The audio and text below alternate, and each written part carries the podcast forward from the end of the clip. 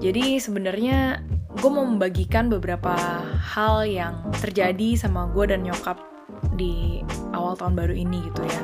Jadi kita tidak sengaja punya deep talk di tanggal 1 Januari subuh-subuh gitu atau di tanggal 2 I guess gue lupa.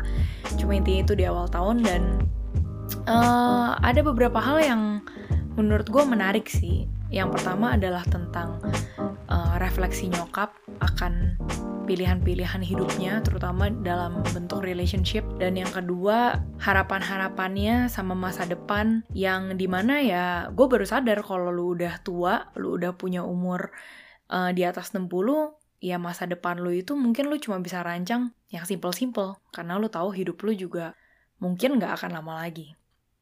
Terus yang ketiga adalah tentang bagaimana gue bersyukur gitu ya punya nyokap yang bisa diajak ngobrol dan berpikir kritis tentang relationship gitu. Karena kesalahan kesalahan-kesalahan yang dulunya dia buat dan akhirnya membentuk gue sampai ya sekarang ini gitu. Walaupun gue tahu ya nyokap gue juga nggak sempurna dan pasti ada salah-salahnya. Tapi gue ngerasa uh, makin ke sini makin tua uh, nyokap gue itu membuktikan bahwa umur hanyalah umur dan umur tidak bisa dijadikan alasan untuk lu nggak berubah menjadi orang yang lebih baik. Oke, okay, jadi uh, saat gue ngobrol-ngobrol sama nyokap gue deep talk gitu-gitu lah ya, gue mostly ngedengerin nyokap gue cerita sih. Uh, dan salah satunya yang bikin gue berpikir lebih tentang relationship adalah saat nyokap gue ceritain tentang uh, hubungan dia sama bokap. Um, gimana ya jelasinnya? Uh, gue pengen ceritain, tapi maksudnya gue pengen ceritain sejujurnya, sejujur-jujurnya tanpa ingin menjelekan keluarga gitu. Cuma yang bakal gue ceritain jelek. Jadi ya mohon dipahami gitu ya konteksnya. So mungkin untuk kalian yang udah ngikutin gue dari uh, awal gitu ya di abjad tersirat ya gue lu cukup terbuka tentang uh, kondisi keluarga gue yang jauh tidak sempurna. Uh, bokap gue selingkuh, terus nyokap gue juga lumayan apa ya punya trust issue dan hubungan yang toksik lah sama bokap gitu. Anyway, kedua-duanya salah lah di mata gue. Nah, short story, nyokap gue akhirnya jadi ngomongin soal uh, hubungannya sama bokap dan tercetuslah beberapa momen di mana uh, nyokap gue tuh masih punya bitterness gitu ya. Masih punya kepahitan tentang kasus bokap gue yang tidur sama adeknya nyokap gue. Dan the moment dia cerita, gue ngerasa kayak di saat itu gue tuh seperti dipindahkan di dimensi lain gitu. Kayak ngeliat nyokap gue yang umurnya masih 30-an gitu. Dan saat itu nyokap gue menambahkan gitu ya bahwa uh, dia bilang ya sebenarnya kalau mau kilas balik mau dipikir-pikir uh, nyokap gue agak nggak habis pikir aja sih sama mamanya gitu ya, yang adalah nenek gue kan. Uh, waktu itu uh, nenek gue juga tinggal di satu atap gitu sama bokap, nyokap dan adeknya nyokap gue. Dan di kala itu nenek gue tuh tahu soal kejadian itu gitu ya. Cuma nyokap gue bilang, iya si Popo gitu kan kita manggil Popo. Si Popo tuh kayak apa ya? Kayak memperlakukan papa tuh kayak bye-bye aja gitu. Nggak ditegor, nggak di nggak dijutekin, nggak diapa-apain dan gue ngerasa kayak dipojokin gitu dan gue tuh sampai sekarang nggak ngerti kenapa. Ya cuma mungkin kalau dipikir-pikir lagi, mungkin alasan si Popo kayak gitu karena ini kali ya karena nggak mau memanasin suasana karena saat itu kan nyokap gue udah punya anak dan kalau makin dipanasin gitu makin dipermasalahkan ya udah pasti nyokap gue akan memilih untuk pisah dan ninggalin anak-anaknya gitu. But anyway that kind of thoughts tuh menurut gue suatu misteri gitu. Sesuatu yang menurut gue di hidup tuh lu cuma bisa mentok mikir sampai what if gitu ya. Uh, what if gue pilih A dan lu punya konsekuensi yang mungkin jauh berbeda dari apa yang lu pilih yaitu di B gitu. Di momen itu gue kebayang betapa lossnya nyokap gue gitu ya. Gue mikirin kayak nyokap gue tuh mungkin masih umur kayak 30-an uh, pertengahan 30 terus kayak punya anak dua terus mikir kayak gue juga nikah. Masih bingung kenapa gue ada di posisi yang gak enak seperti ini gitu. Cuma gue nggak bisa ngapa-ngapain. Dan akhirnya gue cuma bisa ngerespon ke nyokap gue gitu ya. Uh, sebatas dari knowledge yang gue punya gue bilang ke nyokap bahwa Popo ngelakuin itu karena itu yang itu knowledge yang dia tahu sih mah uh, si Popo punya anak 14 si Kungkung maksudnya kakek gue si Kungkung tuh memperlakukan dia juga kayak sampah kayak cuma kayak ya udah mesin buat produk produksi bayi tapi juga nggak diberikan kasih sayang dan segala macamnya dan dia ngerasa ya kalau lo jadi perempuan di masa itu ya you have to endure it gitu loh. Ada baik dan tidak ya tentunya tapi ya itu yang dia tahu gue bilang. Dan gue rasa uh, itu diteruskan knowledge-nya ke lu. Dan gue rasa wajar sih lu bitter gitu ya karena lu merasa pasti kayak kok gue yang dipojokin padahal gue yang jadi korbannya gitu tapi sekarang setelah 40 tahun lebih lu nikah, setelah 44 tahun lebih tepatnya, lu nikah sama papa dan tidak ada perubahan yang berarti gitu di hubungan kalian. Dan tentu saja dengan lu ceritain masalah ini, of course lu masih stuck dan bitter di sana. Gue rasa sekarang yang bisa lu lakuin adalah how to create your own little heaven gitu ya.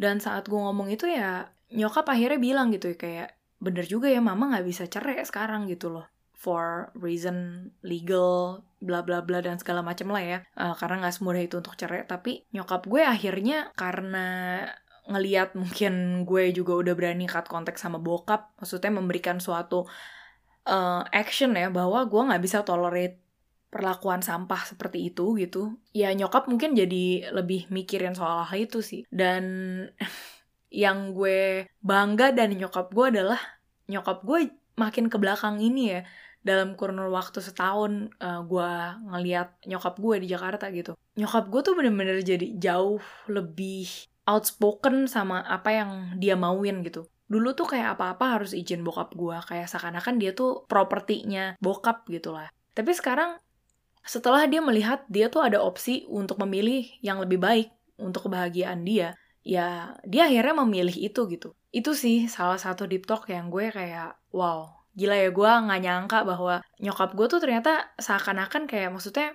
oke okay lah uh, pernikahannya sudah mencapai 44 tahun. Tapi sebenarnya secara mental pernikahannya seperti stuck di awal tahun 80-an di mana that betrayal happen gitu. Maka dari itu ini berlanjut ke poin yang berikutnya itu tentang pernikahan dan soal ya hubungan in general lah gitu.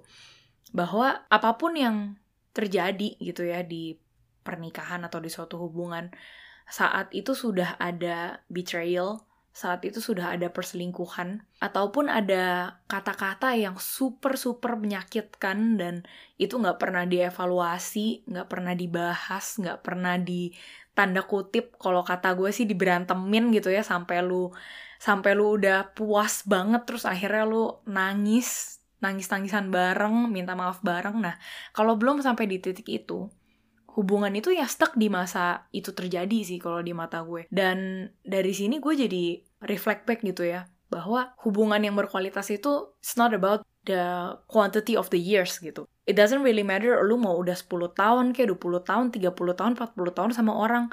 Uh, mungkin dipuji-puji ya sama orang-orang di sekitar lo yang melihat kayak wah gila hebat ya dia bisa uh, melewati semua ketaian yang ada di hubungannya gitu. Tapi kan balik lagi dan ini gue udah pernah ngejelasin juga ngobrolin di beberapa episode gue gitu soal soal hal ini.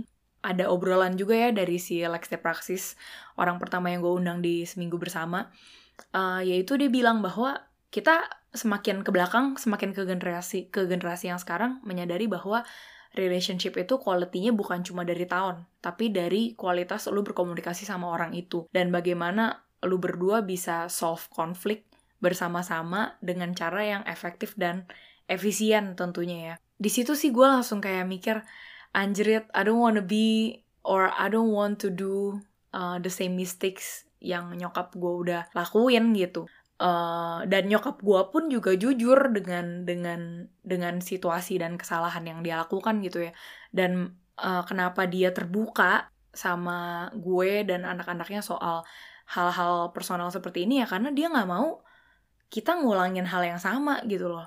Dan ini akhirnya membawa kita ke poin terakhir sih yaitu tentang betapa gue bersyukur bahwa nyokap gue itu bisa diajak deep talks dan diajak ngomongin hal-hal yang kritis tentang hubungan seperti ini gitu ya. Gue tuh sampai kepikiran ya mungkin bisa kali ya gue bawa nyokap gue tuh jadi co-host gitu kalau misalnya dia dia pas lagi nginep di rumah gue gitu ya. Karena gue ngerasa kayaknya oh ini nih mungkin ya kenapa gue tuh kayak nggak abis-abisnya dan nggak bosen-bosennya ngomongin soal relationship dan bener-bener menganalisa soal kesalahan-kesalahan gue sendiri. Ya mungkin karena gue juga mendapatkan contoh dari nyokap gue yang terbuka gitu sama urusan-urusan seperti ini. Dan gue ngerasa ini adalah momen atau skill paling penting yang orang tua bisa lakukan ke anaknya gitu ya. Karena Uh, mungkin ada beberapa orang tua yang berpikir bahwa oh gue harus ngelindungin anak-anak gue dari beberapa info yang terlalu fucked up dan personal gitu ya.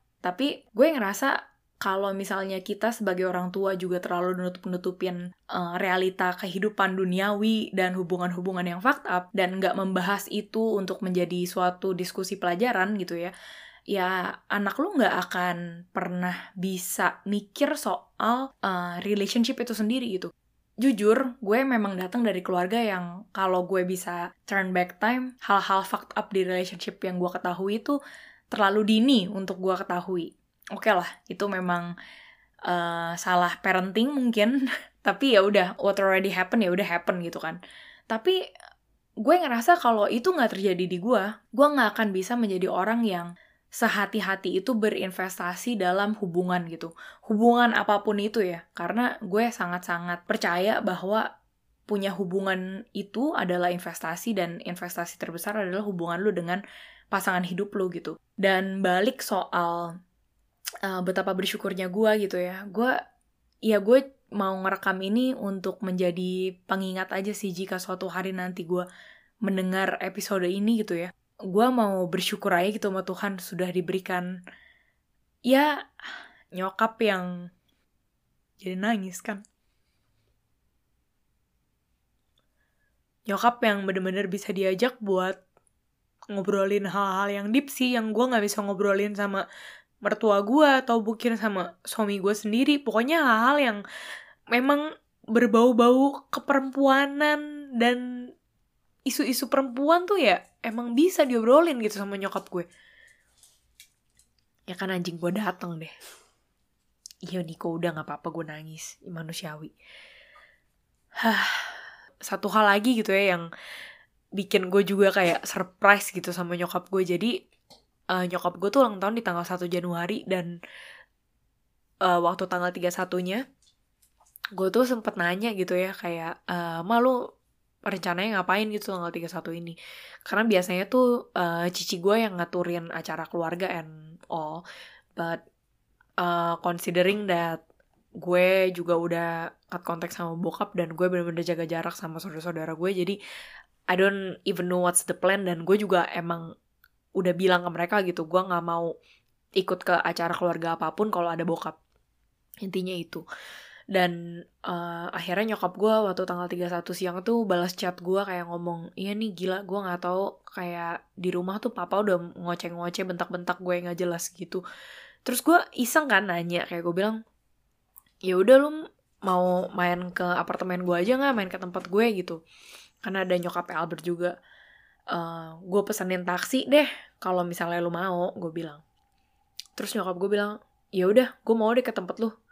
Sekarang terus gue kayak hah ini kok cepet banget gitu decisionnya. Gue mikir apakah ini nyokap gue bercanda? Gitu kan. Terus uh, gue nanya lagi nih sama nyokap gue gue bilang mah ini beneran mau gue pesenin uh, taksi nih sekarang ke tempat lo terus nyokap gue bilang iya pesen sekarang ya. Uh, gue udah ngepack. Terus gue kayak anjrit sih nyokap gue kayak makin lama kayak makin sesi gitu gara-gara gara-gara apa namanya gara-gara udah nggak tahan lagi gitu ya bokap gue dan ya mungkin apa ya mungkin itu sih yang gue bilang create your own little heaven gitu. Sometimes ya ya udahlah lu kalau misalnya udah tahu lu nggak bisa cerai kasarnya gitu dalam kasus nyokap gue ya you do whatever you can to make yourself happy gitu. Dan di mata gue sih ya gue tahu ya yang nyokap gue lakuin cukup frontal gitu kayak setengah kabur dari dari uh, rumahnya gitu secara mendadak. Tapi ya uh, anyway ya gue ngelihat nyokap gue selama beberapa hari di apartemen gue tuh kayak happy banget dan bener-bener don't give a fuck sama urusan apa pun yang ada di rumahnya gitu ya.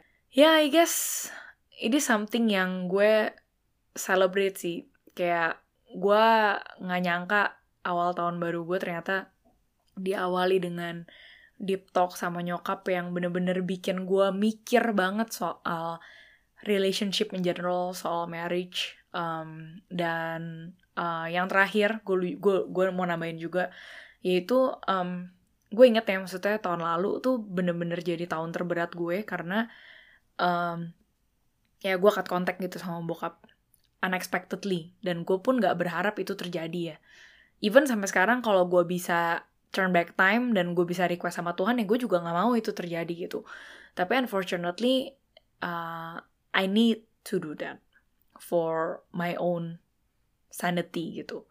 Dan uh, gue sering gitu ya bertanya-tanya sama Tuhan kayak Tuhan kenapa sih lu lu let that happen ke gue di saat gue sekarang udah di Jakarta udah balik dan gue bisa ketemu orang tua gue kapan aja gitu loh nggak kayak dulu di mana gue masih merantau kan tapi kenapa pas gantiannya gue di sini lu kasih situasi itu yang gak enak gitu ya? Cuma setelah gue pikir-pikir, gue ngerasa mungkin momen itu diperlukan juga gitu.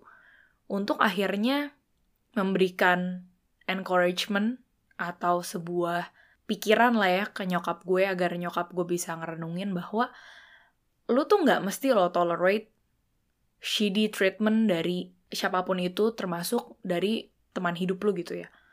Kayak you can you can break the cycle gitu. Dan gue juga ngomong sama nyokap gue ya ya mungkin itu kali maksud Tuhan kayak kenapa itu terjadi di gue dan kenapa akhirnya gue mau nggak mau harus cut kontak sama bokap. Ya mungkin buat kasih lihat ke lu gitu. Ya kita tuh mesti mutusin rantainya dan memang harus ada orang yang bisa mutusin rantai ini gitu loh. That we cannot tolerate that kind of shitty treatment gitu ya.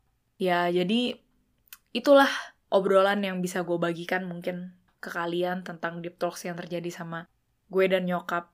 Dan gue berharap kalian bisa celebrate any deep conversation yang kalian punya entah itu sama nyokap, bokap atau mungkin sama orang-orang terdekat kalian. Karena di momen-momen itulah di momen-momen saat kita bisa bener-bener vulnerable itu adalah momen kita bisa ngebuka hati untuk diri kita sendiri dan juga untuk orang lain tanpa judgement. thank you